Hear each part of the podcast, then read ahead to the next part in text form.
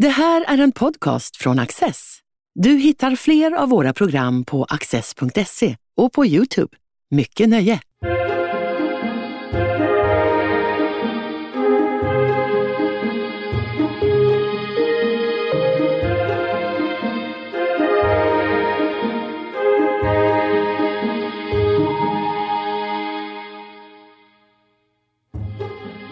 Elin Åström Rudberg är ekonomhistoriker på Stockholms universitet. Hon disputerade 2019 på Handelshögskolan med en avhandling om reklamhistoria under perioden 1915 till 65. Hon har haft särskilt fokus på dagspressens och reklambranschens kontroll av marknaden. Vad har det fått för konsekvenser för samhället? Elin Åström Rudberg, välkommen hit. Tack så mycket. Du har skrivit avhandlingen Sound and Loyal Business som behandlar svensk reklamhistoria.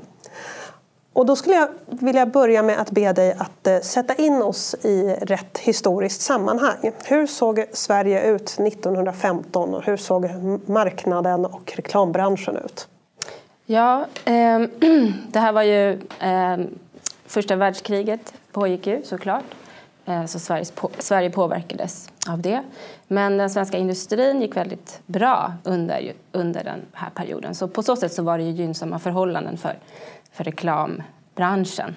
Och för reklambranschen så var det också en period när man organiserade sig mer professionellt. För eh, reklam var ju fortfarande väldigt, en väldigt ung bransch, outvecklad så. Eh, och Sverige var ju ett mycket eh, ja, mycket, mycket fattigare land såklart än, än senare under 1900-talet. Men branschen började organisera sig, flera olika organisationer bildades, professionella organisationer och branschorganisationer. Eh, man hämtade mycket inspiration från framförallt USA vad gäller nya reklamtekniker. Ehm, man, man såg upp till USA väldigt mycket. Eh, det var många som åkte på studieresor, reklammän eller, eller de som ville arbeta med reklam.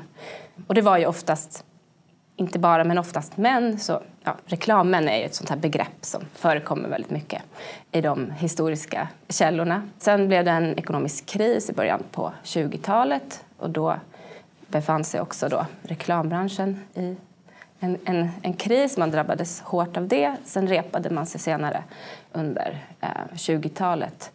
Ehm, och det jag framförallt har tittat på är då annonsbyråer Eh, Eh, det hette inte reklambyråer då, på den tiden, utan annonsbyråer var det vedertagna namnet för man arbetade i huvudsak med annonser i dagspressen eller i tidskrifter. Eh, och sen har jag även studerat eh, tidningsutgivarna, eller dagspressen då, där de här annonserna publicerades. Och sen har vi också annonsörerna som var företag som hade varumärken, produkter som man helt enkelt ville marknadsföra på olika sätt. Så det är en annan aktör då som jag eh, har undersökt eh, i min forskning. Men som sagt, det händer väldigt mycket just runt den här tiden eh, på olika sätt. Då. Eh, någon slags professionalisering och eh, en, också en eh, framtidstro och optimism bland de, här, de som höll på med reklam. Och det var många som var intresserade också. Ingenjörer till exempel och personer och liksom yrkeskategorier som vi idag inte förknippar med reklam men som var väldigt intresserade av de här nya teknikerna och psykologin som låg bakom. och så. Ja. Intressant, för nu säger man ju reklambransch och reklambyrå. När, när skedde det här skiftet? Det skedde i huvudsak efter den period som jag har tittat på. Så jag har undersökt perioden fram till 1965. Eh, och, och då kallades många byråer fortfarande för annonsbyråer. Men det hängde ihop just med att dagspressen hade en väldigt stark ställning och de var i, högre, i, i en eh, högre utsträckning beroende av annonser eh, för sin, eh, för sin ekonomi. Och ehm, sen kommer det ju fler olika typer av media senare under 1900-talet. Fast vi hade ju ändå inte reklam-tv, Eh, inte reklam i radio som i många, på många andra håll i världen. Eh, så dagspressen hade en stark ställning men från 60-talet där så blir det mer direktreklam och du fick ja, reklamfilm på, på biografer och sådana saker. Men annonsbyrå var ändå ett, ett, eh, det, det vedertagna begreppet långt ja, in på 60-talet eller så. Och någonstans där så till och med kanske senare så började det förändras. Um, ja. Hänger det ihop med varför du har valt just den här avgränsningen 1915 till 1965? Att det var ganska likt hur man jobbade med annonser under ja, den perioden? Anledningen till att det är den här perioden jag har studerat är ju också för att det är då den reklamkartellen som jag studerar eh, eh, fanns. Eh, och det var då ett samarbete mellan de största annonsbyråerna i Sverige som då, de startade sitt samarbete 1915. Och så hade man, ett, alltså hade man avtal med tidningsutgivarna i Sverige som ju var branschorganisationer för all dagspress och senare även tidskrifter. Eh, och tillsammans då så reglerade de marknaden för annonser eh, som ju var det viktigaste eh, reklammediet. Och ehm, under hela den här perioden så är det de som har en, de dominerar och Ehm, ha kontroll över hela marknaden. Och sen förändras mycket vad gäller den svenska lagstiftningen från 50-talet och framåt. Så I mitten på 60-talet så får de inte längre samarbeta på det här sättet av konkurrensskäl helt enkelt. Och då, eh, då avslutar jag min undersökning. Men det finns mer att göra även från mitten av 60-talet och framåt. Men det är så jag har avgränsat eh, avhandlingen. Hur hittade du till det här ämnet? Hur började det hela? Eh, jag hade arbetat eh, ett tag efter att jag var klar med min masterexamen och, eh, men sen var jag väldigt intresserad av att jag ville gärna forska då, doktorera. Och då var det en utlysning för en doktorandtjänst i reklamhistoria på Handelshögskolan i Stockholm. Och då sökte jag den och fick den. Och då, så reklamhistoria var ämnet. Men eh, ganska snabbt hittade jag då också det här samarbetet och den här kartellen som framstår som väldigt underlig kanske för oss idag. För idag tänker vi på asfaltskarteller eller drogkarteller kanske. Men det här var någonting helt annat. Och även då i ett, eh, i, inom forskningen så är det ett ganska unikt fall då, så att säga. Hur, det här sättet som den här marknaden fungerade på. För om du jämför med resten av Europa och världen, har mm. något liknande förekommit någonstans? Finns det någon forskning på det som du har varit hjälpt av? Ja, det finns ju ett stort eh, internationellt forskningsfält om reklamhistoria ur många olika perspektiv och även just hur reklambranschen har, har utvecklats under precis den här tiden som jag tittar på. Och det fanns ju liknande eh, tendenser och liksom aktörerna fanns ju på många andra håll. Alltså den här dagspressen eller tryckta, tryckta massmedier, olika annonsbyråer, de som ville annonsera och så kanske andra sorters reklamföretag av olika slag. Eh, och ofta försökte de ju att ja, samarbeta på olika sätt. Men eh, den svenska dagspressen hade också en extremt stark ställning under den här perioden. Och var, varenda liten ort i Sverige hade ju oftast en lokal tidning, kanske till och med två. Eh, alla läste dagstidningar.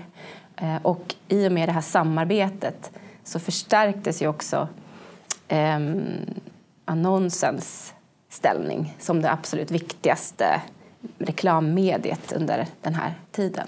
När stod tidningarna på sin höjd och när började krisen för tidningsbranschen synas? Är det redan under din period? När... Ja, det är det ju. Mm. Man började ju prata om tidningsdöden eh, någon gång på 50-talet. Så.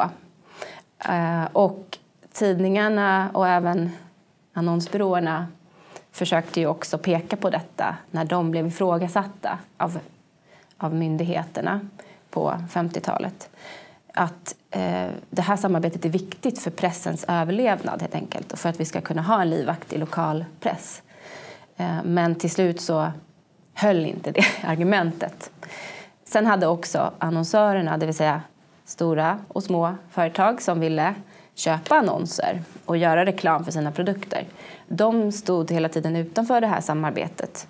Och samarbetet syftade till att, att, att hålla uppe priset på, på annonserna så att inte tidningarna skulle behöva sänka sina priser eller bli utsatta för Ehm, påtryckningar från mäktiga annonsörer att vad ger du mig för pris? Om inte jag får ett lägre pris av dig, då går jag till den här tidningen och sätter in mina annonser där. Det var ju så att säga lite grann utgångspunkten då för det här samarbetet. Så annonsörerna var ju alltid, eller hela tiden, eh, kritiska då. Men på 50-talet därifrån framåt där så blir det ju också från myndighetshåll att eh, en, en ökad press på men hur såg det här avtalet formellt ut? Det kom ett första avtal 1923 om jag har förstått det rätt. Ja. Och hur såg det ut då? Då, egentligen hade man då lite avtal som fanns även innan då, från 1915. Men 23 så blir det ett centralt avtal som då täcker som, som sluts då mellan Annonsbyråernas förening och tidningsutgivarna. Och då kommer man överens om att man, eh, Eh, man måste upprätthålla priserna. Då. Tidningarna får inte avvika från sina priser. Annonsbyråerna får inte heller eh, agera eh, på ett sätt som riskerar att priserna inte kan hållas. Man gick ut med, man, varje år så sa man vad man hade för priser och sen var man då tvungen att, att hålla de priserna under en viss period. Sen reglerade man också hur många annonsbyråer som fick finnas i Sverige. Eh, och då gjorde man det utifrån vad man tänkte att vad som var lagom eller lämpligt eh, då för den svenska marknaden. Och nu minns jag inte exakt hur många det var, men det kanske var tio stycken man sa att det skulle få finnas max då. Den här, just den där bestämmelsen den, den försvann sen. Att det fanns en explicit bestämmelse för hur många företag det fick finnas. Och sen bestämde man också då att, att annonsbyråerna inte fick konkurrera eh, på olämpligt sätt mellan, mellan varandra. Om du skulle beskriva en vanlig dag på jobbet, hur såg det ut när du har forskat? Jag var ju ganska länge på det som idag heter KOM, då, Sveriges kommunikationsbyråer. För det är då deras föregångare då, som jag har undersökt. Och de har sitt arkiv där och de hittade det bara något år innan jag började doktorera. Um, och det stod någonstans på någon vind och var bortglömt. Så det var ju tur för mig då. Mm, så jag satt, eh, jag satt där på plats eh, ganska, eh, ganska ja, det var ju flera veckors tid sammanlagt då, som jag satt, gick dit och satt och gick igenom och även fotade av mycket eh, dokument och, och ja, det som fanns där helt enkelt. Jag har ju varit på flera arkiv och på ett arkiv i USA också för en amerikansk reklambyrå. Ehm, så att eh, det är mycket att just leta, försöka förstå sig på vad det finns för typ av dokument. Ehm, gå dit, ehm, sitta och gå igenom, fota, anteckna. Och varva det såklart med att skriva texter, kapitel, utkast så, till avhandlingen. Utkast på frågeställningar och metod och teori.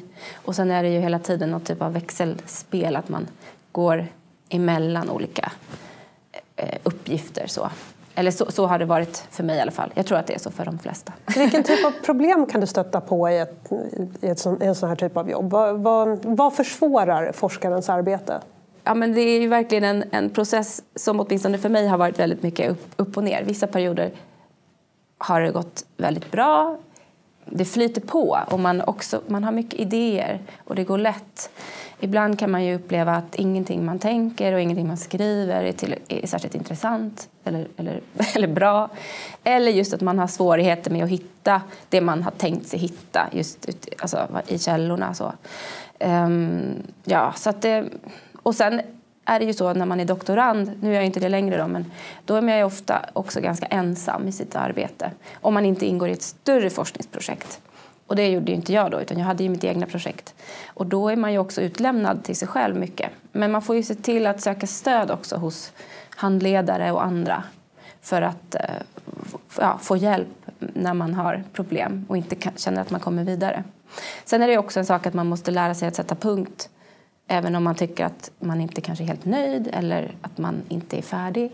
Men någonstans får man ändå tänka att jag kan sätta punkt här och det här är ett, ett färdigt arbete. Hur såg gemene man på reklam på den här tiden du har tittat på? 1915 så var ju reklam och en liksom mer professionell reklambransch och människor som arbetade professionellt med reklam var ju ganska nytt. Ofta så hade ju reklam vid den här tiden också ganska dåligt rykte. Det fanns ju såklart mycket reklam och annonser så, i, i tidningar eh, och även ute på stan och så. Men ehm, eh, det var mycket eh, det man kallade för humbug-annonser. Så reklam för produkter som lovade för mycket, kanske vad gällde det som kallas för patent medicines på engelska. Så här. Mediciner som lovar att man ska bli yngre och snyggare och så. Man kunde bota alla möjliga sorters åkommor. Eh, så att reklamen hade så, drogs med dåligt rykte. Och det här var ju någonting som reklammännen, alla aktörerna här på den här marknaden försökte eh, jobba med på olika sätt, väldigt aktivt. Så. Sen förändras det där också lite över tid. Jag vet att i USA fanns det en mycket större liksom, organiserad konsumentrörelse som var väldigt kritisk mot reklam redan från slutet på 20-talet och framåt. Men i Sverige så kommer ju den här mer uttalade och organiserade kritiken senare, liksom från slutet på 50-talet och kanske framförallt på 60-70-talet när reklam ju ansågs vara något väldigt fult. Men också att man trodde att reklam var farligt eh, för man såg att reklamen hade en potential att manipulera människor. Man pratade om subliminal reklam, att man kunde påverka människors undermedvetna, få dem att eh, agera på, på olika sätt. Då. Men det är intressant att reklam ändå funkade på den tiden då, om man såg det som humbug. Det har man ju sett bisarra annonser från ja, ja. sent 1800-tal och tidigt 1900-tal. Mm. Men alltså, så trots att folk visste att det här var humbug så mm. funkade ändå reklam och branschen fortsatte växa? Ja, men eh, det hade ju nog också tror jag med näringslivets utveckling en tilltagande konkurrens på, på många olika marknader. Varumärken som börjar bli viktigare. Och då blir det ju viktigare att för företag och för produkter att kunna eh, marknadsföra sig, positionera sig på marknaden. Och sen, som sagt, så på så sätt så fanns det ju ett utrymme för att förbättra det som då ansågs vara dåligt. Reklambranschen själva tog ju starkt avstånd från de här humbug-annonserna. De ville ju professionalisera och utveckla, göra sund och modern reklam för liksom det moderna samhället som skulle hjälpa människor att göra bra val. Så.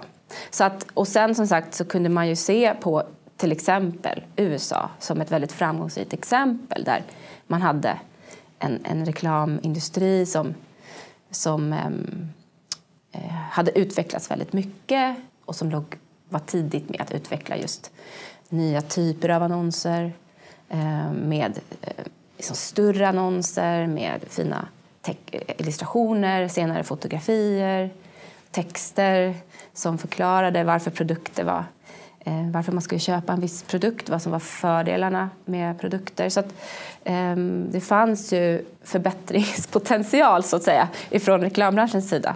Mm. Um, när man tänker på Sverige och USA så tänker man osökt på serien Mad Men som har blivit så populär. Ger den en rättvisande bild för hur det var i USA? Och finns det några paralleller till hur det var i Sverige?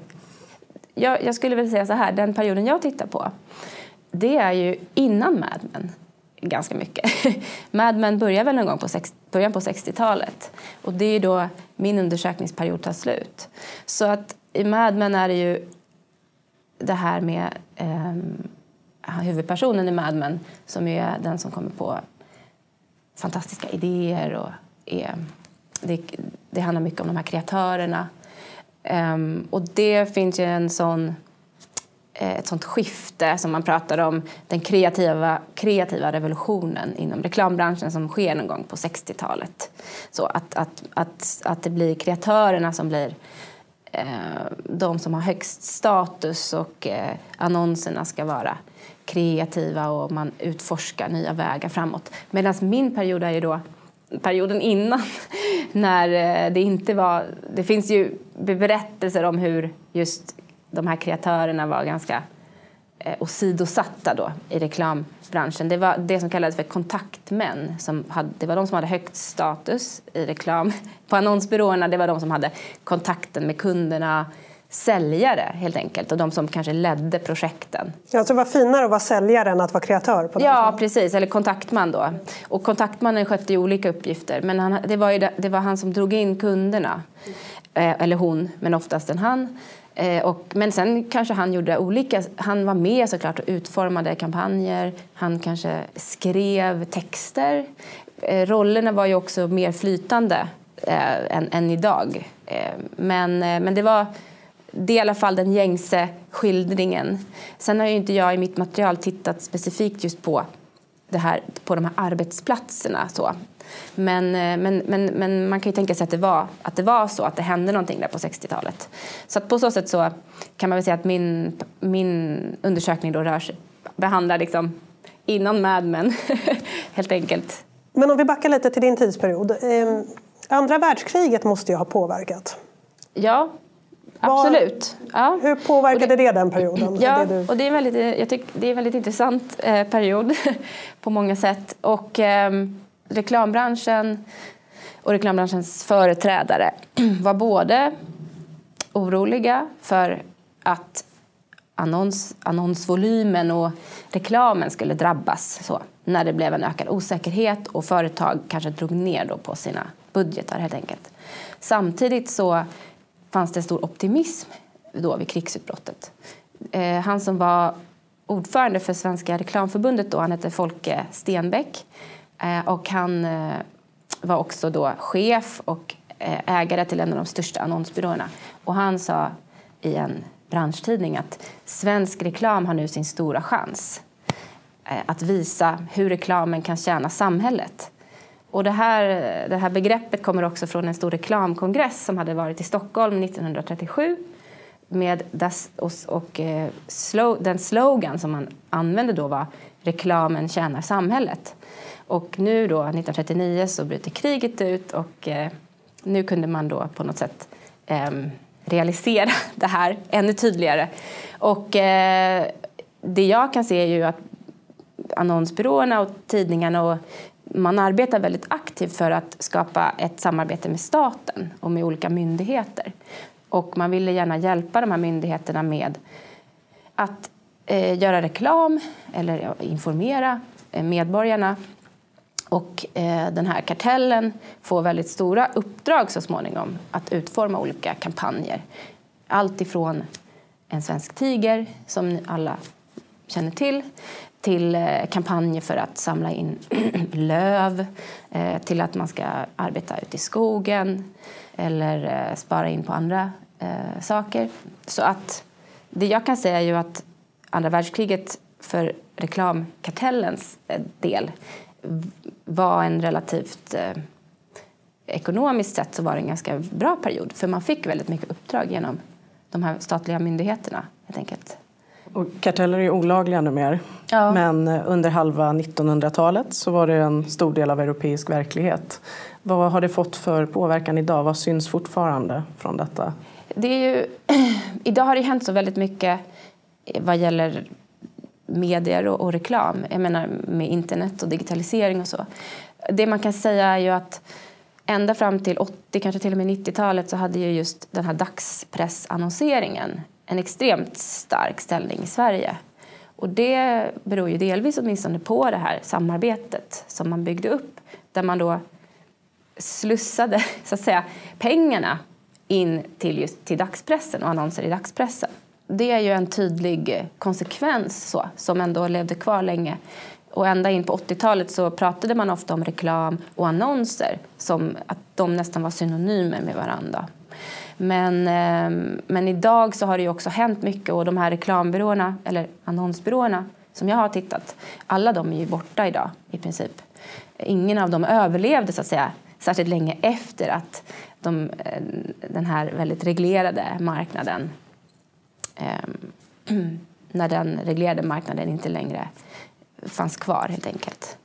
Så på så sätt så är det svårt att kanske se exakt idag hur, hur de här ja, vad det finns för konsekvenser kvar idag. Men, men, eh, men ganska långt in ja, 80-90-talet så fanns det ju kvar det som hade skapats då innan helt enkelt. Utifrån din forskning, om du får titta i en spåkula, vad tror du om framtiden för reklambranschen? Det är ju extremt svårt att svara på för att det händer så mycket idag eh, med ja, vi lever ju en teknikutvecklingen och eh, ja, sen är det ju också en annan det finns ju en extrem, ett extremt informationsöverflöd och en trötthet så, inför alla typer av Eh, meddelanden som vi möter. Kanske framför allt de här kommersiella meddelandena.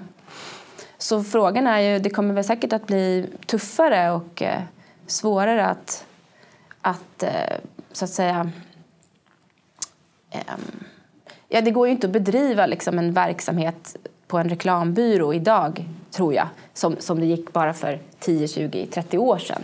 Det krävs ju andra typer av, av kompetenser. Ehm, och en, det kanske är en ännu högre osäkerhet så idag med vad gäller vad som kommer hända. Och teknikutvecklingen gör att det också blir en stor osäkerhet. Det är väl det jag skulle kunna säga. Mm. Tack för ett intressant samtal. Mm, tack. Vi har tittat på ett stycke svensk reklamhistoria och hur medielandskapet har förändrats. Tack för att ni har tittat. Du har just lyssnat på en podcast från Access. Du vet väl att vi också är en tv-kanal och tidning? Teckna en prenumeration idag på access.se.